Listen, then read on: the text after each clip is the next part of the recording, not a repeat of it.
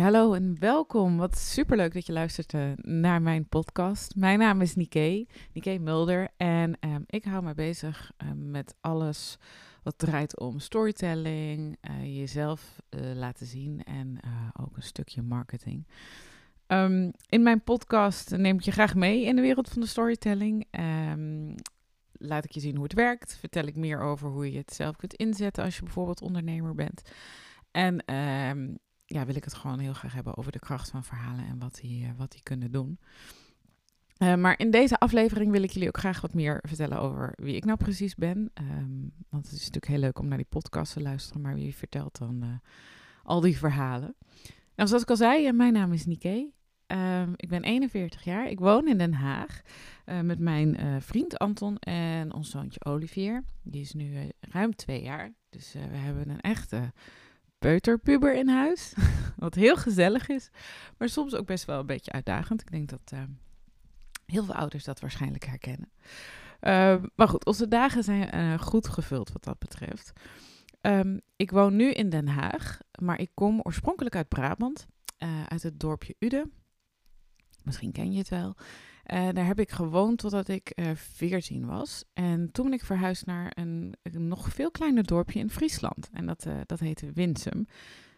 Mensen die dat kennen, die mogen me echt een berichtje sturen. Want dat is echt een heel klein dorp. je hebt er ook een in Groningen. Dus vergis je niet, dit gaat om Winsum, Friesland. Toen ik er kwam wonen had het volgens mij 900 inwoners. En ons huis stond direct naast het weiland. Dus met de koeien en schapen erin.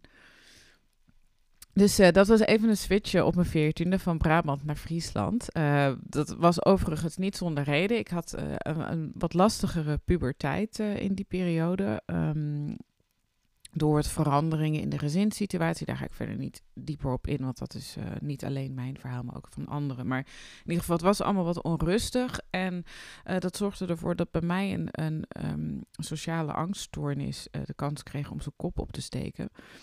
En um, dat betekende dat ik het uh, op een gegeven moment gewoon heel eng vond om eigenlijk om naar school te gaan. Ik uh, ontwikkelde enorme faalangst, onzekerheid. En um, ja, dat uitte zich dus dat ik, uh, dat ik school ging vermijden. En op een gegeven moment um, bleef zitten, van school af moest. Dus het was echt een hele, best een ingewikkelde periode. En de oplossing op dat moment was dat ik, mijn ouders waren toen gescheiden, dat ik van mijn moeder, uh, die in Brabant woonde, naar mijn vader verhuisde, die net naar Friesland uh, was gegaan. Dus dat was echt wel even een flinke uh, shock to the system. Uiteindelijk wel een goede stap, want ik heb daar gewoon mijn school uiteindelijk wel weer op kunnen pakken. Het ging natuurlijk niet zonder slag of stoot, maar het is wel gelukt. Um, heb daar ook weer, ook weer hele fijne vrienden gemaakt. Maar het was wel heel, heel lastig, want ik moest alles uit in Brabant achter me laten. Ik was 14. Ik had, had daar een hele fijne vriendinnenclub. Dus het, het uh, was een pittige stap. Um, maar goed, het is gelukt. En uh, het is ook wel weer zo'n stap geweest in een periode geweest die ik nu natuurlijk nog steeds uh, meeneem. Ook op een positieve manier. Omdat um, het me meteen ja, eigenlijk heeft laten zien, of ik mezelf heb laten zien, dat, dat je ook hele heftige dingen ja, kunt overleven. En dat je misschien meer kunt dan je zelf van tevoren denkt. maar goed, ik kwam dus in Friesland terecht op de middelbare school. Die heb ik daar gewoon afgemaakt. Uh, het was wel even wennen ook, uh, nou ja, van Brabant naar Friesland, cultuurshock. Maar ook van een vrij groot dorp, wat u er toch al was, met veel voorzieningen. En alles lekker dichtbij. Moest ik opeens 10 kilometer fietsen om op school te komen. dat vond ik wel vrij intens. Um, kwam ik op een school in Franeker, waar um, mijn vrienden en klasgenoten ook uh, eigenlijk allemaal Fries spraken. En dat stond ik natuurlijk voor geen meter. Dus ik moest flink mijn best doen om dat, uh, uh, te kunnen volgen. Dus dat was eventjes een, uh, een pittige binnenkomer. Maar goed, het heeft er wel voor gezorgd dat ik binnen een paar maanden dat Fries helemaal verstond. Ik spreek het echt heel slecht, dus dat ga ik ook niet doen. Want dat klinkt er echt nergens naar. Maar ik versta het dus prima. Um, en ik voelde me heel snel ook heel erg thuis in het noorden. Ik ben ook heel blij dat ik daar een deel van mijn jeugd heb doorgebracht. Brabant is fantastisch, maar Friesland is ook echt een waanzinnig mooie provincie. Dus daar ben ik wat dat betreft uh, heel blij mee. Um, toen ik wat ouder was, toen was ik 17, uh, toen, of net, nee, 16 nog. Toen zijn mijn ouders overigens weer bij elkaar gekomen. Ze zijn gescheiden toen ik 9 was en weer hertrouwd toen ik 16 was. Um, ook een vrij bijzonder verhaal, weet ik, als ik het vertel aan mensen. Dan zegt iedereen, wat? Oké. Ehm, ja, dat kan dus. Uh, ze zijn inmiddels alweer, um, ja, hoe oud ben ik? Uh, 41. Dus nou, bijna 25 jaar weer heel gelukkig hertrouwd. Dus dat is een heel fijn en heel bijzonder verhaal. Um, en toen mijn ouders weer herenigd waren in Friesland, toen was het ondertussen voor mij tijd om te gaan studeren. Dan ben ik in eerste instantie gaan doen in Groningen, wat natuurlijk vrij voor de hand liggend was. Ik, uh, ik woonde in Friesland, dus Groningen was een logische vervolgstap. Um, daar ben ik communicatie gaan studeren. Dat kwam toen net een beetje op. Ik weet eigenlijk niet hoeveel mensen nu nog communicatie studeren. Het was op een gegeven moment echt zo'n hype dat echt iedereen communicatie studeerde. Het was ook echt zo'n studie voor als je niet weet wat je wil met je leven, dan ga je communicatie studeren. Nou, ik heb die keuze toen wel echt bewust gemaakt, omdat het um, voor mij echt de elementen bevatten die ik van kinds af aan heel tof vind. En dat is, dat is een stukje presenteren in, uh, natuurlijk een verhaal overbrengen. Uh, ook wel wat creativiteit. Uh, in Groningen, waar ik het ging studeren, was, werd er ook veel aandacht besteed bijvoorbeeld aan schrijven en dat soort dingen. En dat vond ik heel leuk, want ik was echt als kind al, um, ja, klassiek, zeg maar, um, um, altijd toneelstukjes aan het opvoeren. Vriendjes en vriendinnetjes die kwamen spelen, die waren echt het slachtoffer, want die moesten gewoon meedoen.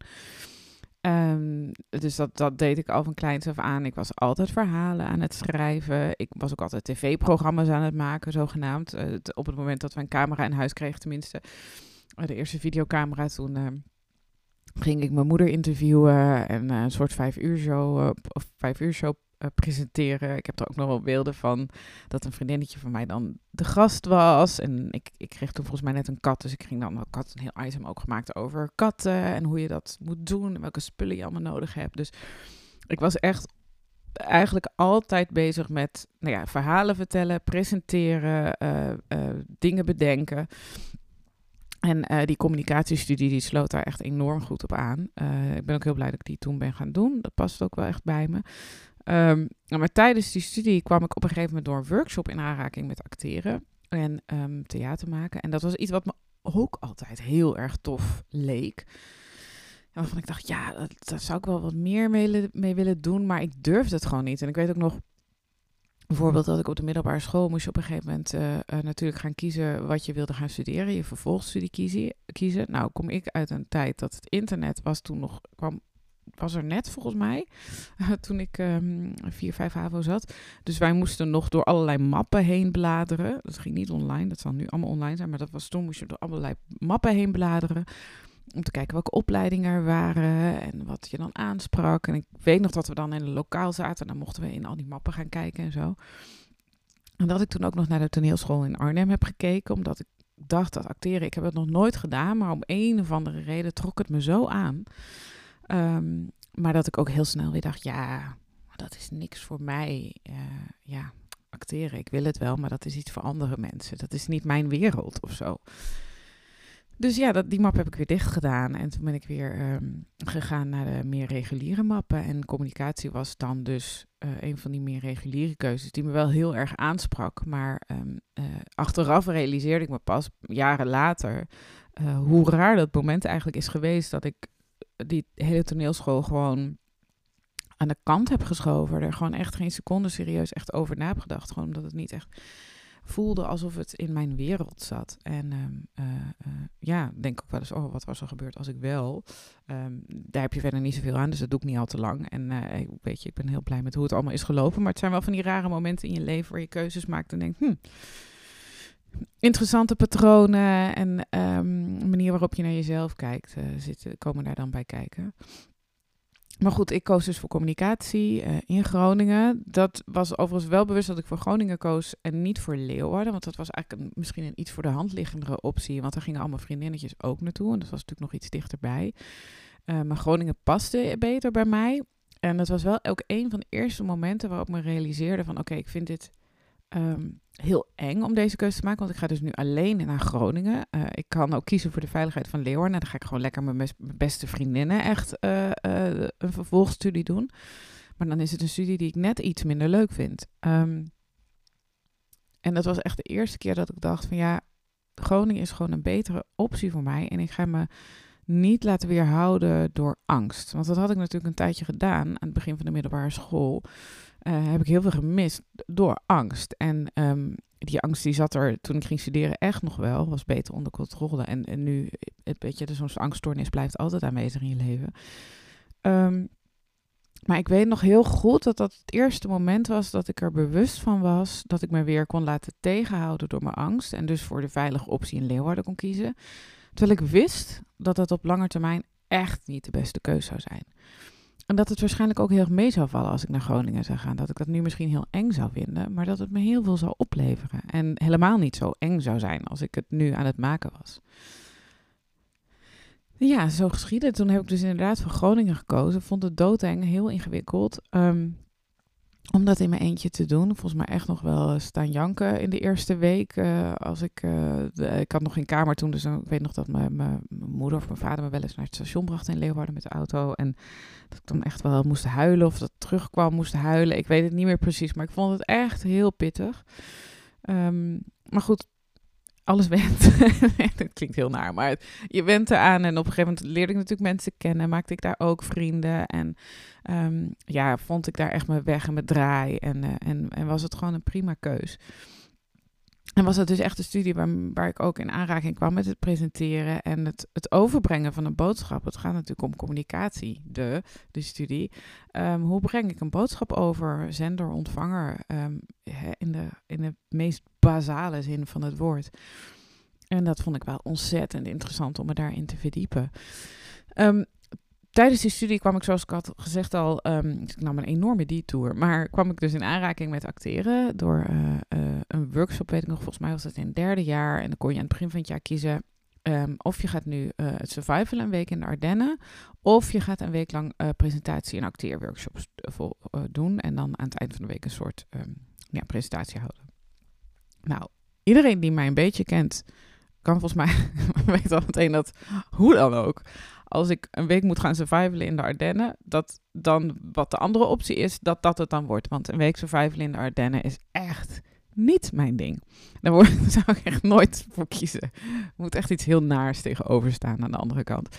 En sowieso sprak het acteren en presenteren natuurlijk enorm aan. Dus die keuze was heel snel gemaakt. En um, zo ging ik een week uh, aan de acteurworkshops en ik vond het fantastisch. En wat ook grappig was, is die week was ik echt ziek. Uh, had enorm zware griep op een gegeven moment. Um, normaal gesproken zou je dan zeggen, nou, ik ga niet. Als ik gewoon college had gehad, was ik echt niet gegaan met die griep. En als je op je werk had, had je je waarschijnlijk ook ziek gemeld. Sowieso nu natuurlijk. Uh, we zitten nog in een tijd, als ik dit opneem, van allerlei maatregelen. Dus mag je sowieso niet uh, zo in een gemeenschappelijke ruimte gaan zitten. Zoals ik er toen aan, to, toen aan toe was. Maar goed, dat was toen natuurlijk niet. Dus um, ik dacht, ja, fuck, ik vind het zo leuk. Uh, dus ik ging gewoon naar die workshop. En dat was nog best wel een stuk reizen ook. Want dat was ergens op het platteland in Groningen, in een boerderij. En, maar het maakte me allemaal helemaal niks uit. Ik was gesloopt telkens aan het eind van de dag. Maar ik vond het zo leuk. Ik wilde gewoon letterlijk geen seconde missen. Dus, en, en tijdens die week ontdekte ik dus hoe tof ik het acteren vond. En uh, werd daar dus een zaadje geplant. En toen ontstond al heel snel bij mij het idee: oké, ik wil hier meer mee doen.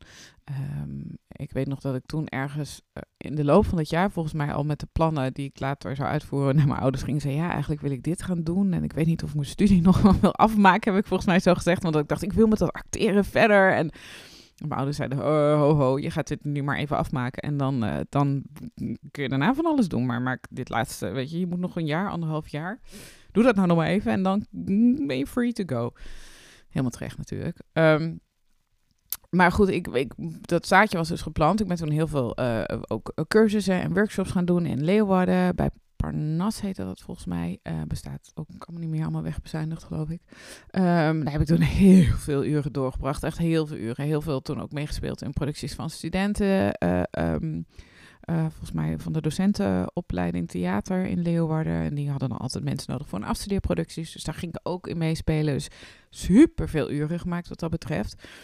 Um, en toen ontstond dus het plan om daar meer mee te gaan doen. En um, dat combineerde zich vervolgens met een liefde die ik had voor Londen. Ik was daar geweest toen ik 16 was. was de eerste keer dat ik daar was. En toen, echt vanaf het moment dat ik volgens mij daar um, de deur uitstapte. We waren met een bus daar naartoe gegaan, een busreis. En ik stapte die bus uit. En toen dacht ik echt, wauw. Ja, hier wil ik wonen. Dit is, uh, dit is fantastisch. Ik voelde me er zo thuis. Ik vond het zo'n waanzinnige stad. En dat, dat idee had zich een beetje in mijn hoofd gezet. en toen ik dus na ging denken over dat acteerverhaal, toen dacht ik, ja, wacht eens even.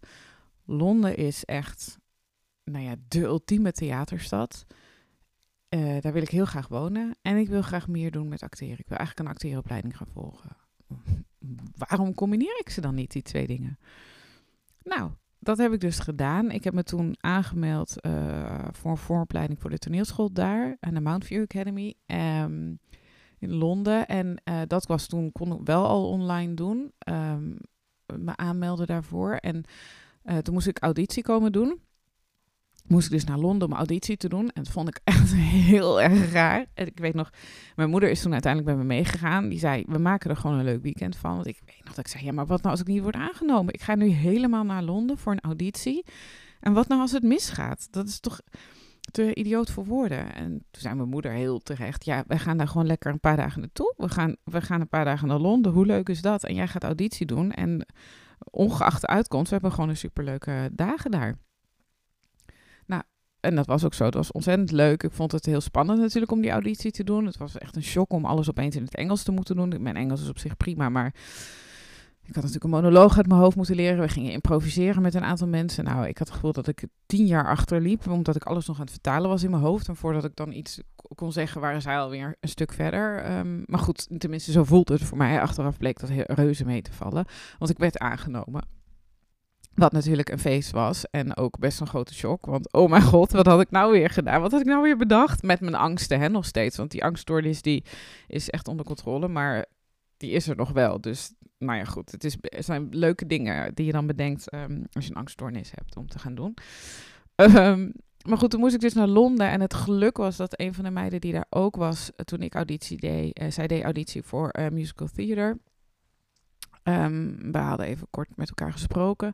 Zij was gewoon Brits en ze had mij onthouden en ze had tegen die mensen daar gezegd, uh, tegen de directie van, goh, toen zij hoorde dat ze was aangenomen, uh, goh, dat Nederlandse meisje is zij ook aangenomen, want ik heb namelijk uh, woonruimte geregeld in Londen en ik, heb nog een, ik zoek nog een huisgenoot en ik kan me voorstellen dat zij nog niks heeft, dus misschien is zij wel iemand um, om de, de, ruimte met mij te delen. Dus uh, in het pakket, in de post wat ik kreeg toen ik te horen kreeg dat ik was aangenomen, zat niet alleen uh, alle informatie over de school, maar ook een brief van dat meisje, Kara heette zij, um, met de vraag of ik haar huisgenootje wilde worden en telefoonnummers en zo erbij. Dus ik had echt het ongelofelijke geluk dat ik in één keer hoorde dat ik was aangenomen. En ik had ook gewoon nog meteen woonruimte. Dus dat is natuurlijk echt, echt zwijnen. Want om dat dan weer te gaan regelen in Londen in de tijd dat het internet echt nog lang niet zo um, veel mogelijkheden had als nu. Ik bedoel, dit was dan 2002, dus er was echt al wel internet. Maar zo makkelijk als je nu alles online regelt, was, was toen nog echt niet het geval. Maar goed, ik kon uiteindelijk gewoon naar Londen vertrekken met een uh, huisgenoot en een fijne, fijne kamer, um, waar ik ook uh, al die tijd heb gewoond. Dus dat was super fijn. En het jaar daar was ook, um, ja, het ben, een van de tofste jaren die ik heb meegemaakt. Ik heb daar zoveel geleerd. Um, uh, ja, natuurlijk sowieso de klassieke Britse toneelopleiding aanpak, wat mega waardevol is. Echt aan de Shakespeare's en dat soort dingen. Um, hele, vrienden, hele fijne vrienden gemaakt voor het leven. Um, heel veel tijd in de pub doorgebracht. Bizarre stapavonden meegemaakt. Kan ik nogal boeken over schrijven over die tijd in Londen. Um, maar het belangrijkste gevoel wat ik daar aan overhoud was gewoon een heel groot gevoel van vrijheid. Ik had natuurlijk het geluk dat ik al dus een diploma op zak had. Ik had mijn studie al afgerond, de eerste.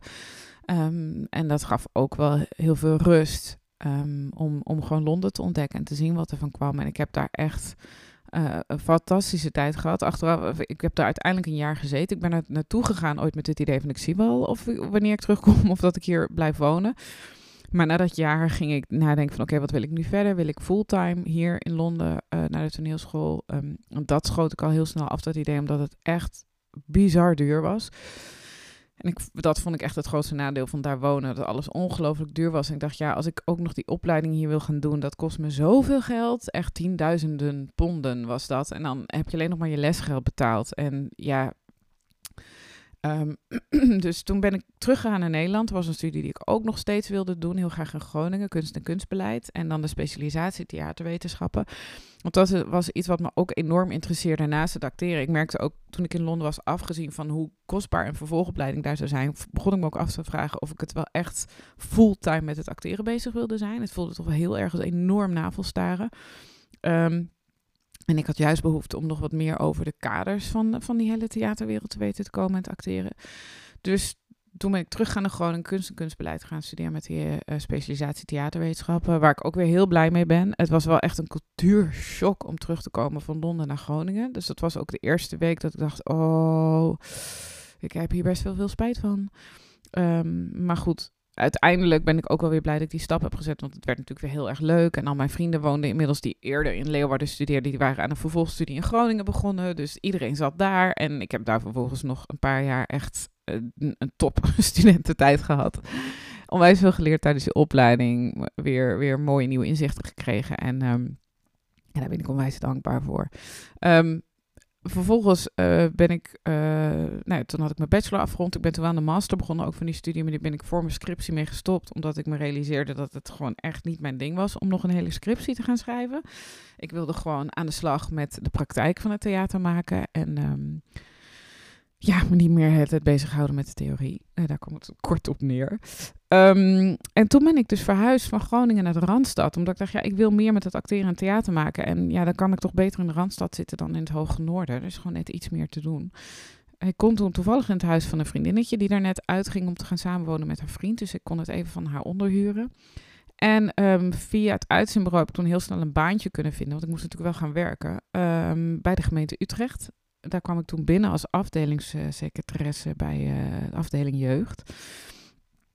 En eigenlijk ben ik toen heel snel intern, kon ik doorsolliciteren uh, en kon ik aan de slag als communicatieadviseur. En dat was natuurlijk echt heel mooi um, om in zo'n groot apparaat terecht te komen met heel veel kansen. Utrecht, um, had ik al gezegd dat ik naar Utrecht ging? Weet ik even niet meer. Maar ik, kwam, ik zat dus in Utrecht, uh, in het huis van die vriendin. uiteindelijk een eigen huis kunnen vinden, huurwoning. En dat was ook echt een fantastische tijd. Ik heb daar onwijs genoten. Ik was 26, 27 toen ik daar ging wonen. Um, echt, nou, lekker. Uh, veel uitgaan. Heel veel leuke vrienden ook weer gemaakt. Superleuke collega's. Uh, ook heel veel kunnen leren in die jaren. Ik heb uiteindelijk vijf jaar bij de gemeente gewerkt over het communicatievak. Dat is echt het grote voordeel van in zo'n organisatie werken. Je kunt echt alle kanten op uh, qua ontwikkeling in je vakgebied. Ik wilde zo graag me verdiepen op allerlei gebieden. En dat kon gewoon, omdat er, er, is, er is gewoon heel veel te doen. Dus um, ik heb daar echt onwijs veel mogen leren. Daar ben ik echt heel dankbaar voor. En lekker voor mijn eigen stad mogen werken. Want dat vond ik ook een mooie van, van het werken voor een gemeente. Dat je het gewoon voor je eigen stad doet. En je kent de plekken waar het om gaat. Je, kent, je, je weet hoe het is om in die stad te wonen. Dus um, ja, dat, uh, dat is ook echt nou ja, goud geweest dat ik dat zo lang heb kunnen doen. Um, ondertussen begon wel het hele acteerverhaal weer te kriebelen, want dat miste ik uh, enorm. Uh, ik zat al heel snel uh, bij wat amateurgezelschappen, improvisatiegroepen en dat soort dingen in, in Utrecht. Ik was ook allemaal masterclasses aan het volgen bij bepaalde instellingen op het gebied van acteren. Um, en toen via via kwam ik op het spoor van een, een parttime opleiding in Amsterdam aan de acteurschool. Die duurde drie jaar, een acteeropleiding. Um, dat leek mij eigenlijk best wel heel erg fantastisch. Dus daar heb ik me toen voor uh, ingeschreven auditie gedaan, ik aangenomen. En toen heb ik dus drie jaar lang uh, het werk als communicatieadviseur adviseur gecombineerd met uh, zeg anderhalve, twee dagen in de week naar school. Dat was best, ja, dat je denkt, nou, best een volle agenda. Want het was dus zes dagen in de week op een gegeven moment, ja, werken en studeren. Um, achteraf denk ik wel, jeetje, dat is echt druk. Ik weet niet zo goed hoe ik dat ja, zo relaxed heb gedaan. Want ik had, ja, als ik aan terugdenk, krijg ik niet het gevoel van, oh god, wat was het zwaar of heftig. Ik vond het vooral heel erg leuk. Um, ik was ook vrij gezellig op dat moment, in ieder geval in eerste instantie. Dat scheelt natuurlijk. Ik had echt wat living the single life in the city. Dus ik kon lekker helemaal mijn eigen plan trekken. Um, totdat ik in het tweede jaar volgens mij mijn vriend tegenkwam. En um, en nou ja, goed, dan uh, regel je dat. Want ik vond hem heel leuk. En dan maak je gewoon tijd voor elkaar. Dus sowieso, als ik mensen nu wel eens horen zeggen... oh, ik heb geen tijd voor een relatie, ik ben veel te druk. Denk ik, nou, dat is echt onzin. Want als je de juiste persoon tegenkomt, dan maak je er wel tijd voor. Uh, onze schema's pasten toen voor geen meter bij elkaar. Hij is uh, muzikus, hij speelt trombone. Dus hij um, had toen nog vaste baan bij een orkest. En hij had heel veel optredens en concerten. En dat matchte allemaal dan precies weer niet zijn werktijden met die van mij natuurlijk. Ik weet dat ik heel vaak uh, was zondag mijn enige vrije dag. Um, en dan uh, moest hij zaterdagavond, dan had ik zaterdag overdag, ging ik nog naar school, aan mijn opleiding. En dan uh, zaterdagavond moest hij dan heel vaak een voorstelling spelen, concert doen. En dan kwam hij na dat concert, hij speelde dan heel vaak in Amsterdam, kwam die dan naar mij toe. Dus dan was hij er rond een uurtje of half één. En dan, dan was ik echt helemaal gesloopt. Maar dan ging ik helemaal weer een beetje mooi maken, leuke kleren aandoen. En zorgde dat ik nog een beetje florissant uitzag. En dat was zeg maar onze date night. En dan, uh, en dan had hij zondagmiddag meestal weer een matinee-concert. Dus uh, dat, we propten dat er allemaal maar een beetje tussendoor. Maar het is hartstikke goed gegaan, want we zijn nog steeds samen. Dus, um, dus dat, was, uh, dat kwam er dan nog even bij in, de, in, in, die, in die drukke tijden. Maar goed, ik heb die opleiding afgerond. En um, daarna ben ik eigenlijk, toen ben ik op een gegeven moment weggegaan met de gemeente. En gaan samenwonen met mijn vriend die in Den Haag woonde. Dus zo ben ik in Den Haag terechtgekomen. En uh, ook eigenlijk uit de overheidscommunicatie gegaan en um, in de culturele sector terechtgekomen hier in Den Haag. En, uh, en vanaf dat moment ook alleen maar marketing gaan doen. En dat was natuurlijk echt wel een gouden zet, omdat uh, daarin mijn liefde voor theater en cultuur samen kon komen met het stukje communicatie en marketing. ja, wat ook mijn vakgebied is. Daarnaast ben ik ook altijd uh, nog wel blijven acteren. Um, veel in de commercial hoek gezeten. Uh, eigen theatervoorstellingen gemaakt. Uh, dus dat is, dat is ook eigenlijk altijd blijven lopen. Um, en dat is ook een hele fijne combinatie geweest altijd. En ik realiseerde me op een gegeven moment ook heel sterk dat um, wat ik het mooie vind in marketing en waar ik mij steeds meer op ging focussen, ook als ik me bezig had met marketing, is om het verhaal van uh, datgene waar we kaarten voor moeten verkopen, of het product dat moet worden verkocht, of het, het onderwerp wat naar uh, uh, mensen moet worden gecommuniceerd als het over overheidscommunicatie gaat. Dat ik heel erg op zoek ga naar het verhaal en hoe kun je dat overbrengen en waar draait het eigenlijk om en wat, wat levert het dit mensen op en, um, en dat ik het ook heel erg interessant begon te vinden om dat ook zichtbaar te maken voor mensen en organisaties zelf. En ik ben op een gegeven moment ook een beetje terechtgekomen in de, uh, uh, bij het Koninklijk Conservatorium hier in Den Haag. Wat gastcolleges mogen geven. op een gegeven moment een pitch training mogen doen. Samen met mijn vriend die ook les geeft aan het conservatorium. En um, ook nog andere workshops kunnen geven. Aan, ook aan mensen in de culturele sector. Ik werd er op een gegeven moment gewoon een beetje voor gevraagd, steeds vaker. En ik merkte dat ik het echt heel tof vond om te zien wat er gebeurt als je mensen even de tijd geeft om zich te verdiepen in hun eigen verhaal. En uh, waarom doe ik wat ik doe en wat draagt het eigenlijk bij? Uh, omdat we het eigenlijk zelf vaak niet eens meer doorhebben wat we nou precies bijdragen, wat er bijzonder aan is. We vinden het heel lastig om het van onszelf te zien, wat logisch is. Um, en vervolgens ook heel lastig om het te benoemen. En wat ik mooi vind en vond en wat eigenlijk altijd stevast gebeurde is dat je ziet dat um, als je er echt even de tijd voor neemt, dan zie je er allerlei ontdekkingen naar boven komen. En um, daarmee, ja, ook met ondernemers nu, is het heel mooi te zien als je ernaar gaat kijken dat je niet um, alleen jezelf weer inspireert. Want dat doet het enorm. Als je weer even de tijd neemt voor jezelf, dat geeft al een boost. Gewoon even denken, ik ga nu eventjes gewoon even uh, naar mezelf kijken, mijn eigen ontwikkeling. Maar ook als je weer kijkt naar van waar sta ik eigenlijk voor? En wat heb ik ook alweer te bieden? Dat weer eventjes heel helder krijgen, dat geeft vaak zo'n boost en zo'n inspiratie. Maar het geeft ook heel veel kader en heel veel richting en heel veel duidelijkheid. Want Um, zeker als je zelfstandig ondernemer bent, je gaat maar door. Je hebt best, weet je, jij draagt de last, het is jouw onderneming. Um, en het kan soms best lastig zijn om even een stapje terug te zetten. Te denken, oh ja, wacht even.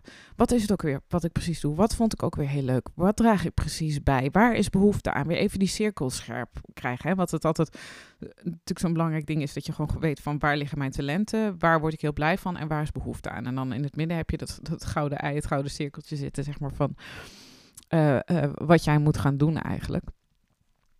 En dat, dat is gewoon heel makkelijk om dat even uit het oog te verliezen. En um, uh, zoals ik al zei, werd ik de laatste jaren steeds vaker gevraagd voor workshops en, en ook gastcolleges en dat soort dingen op dat gebied. En um, begon ik dus voor mezelf ook te ontdekken hoe tof ik het vind om daar met andere mensen aan te werken. En daar komt gewoon wel ook die achtergrond en als actrice en als theatermaker en ook mijn achtergrond in de communicatie en marketing heel mooi samen.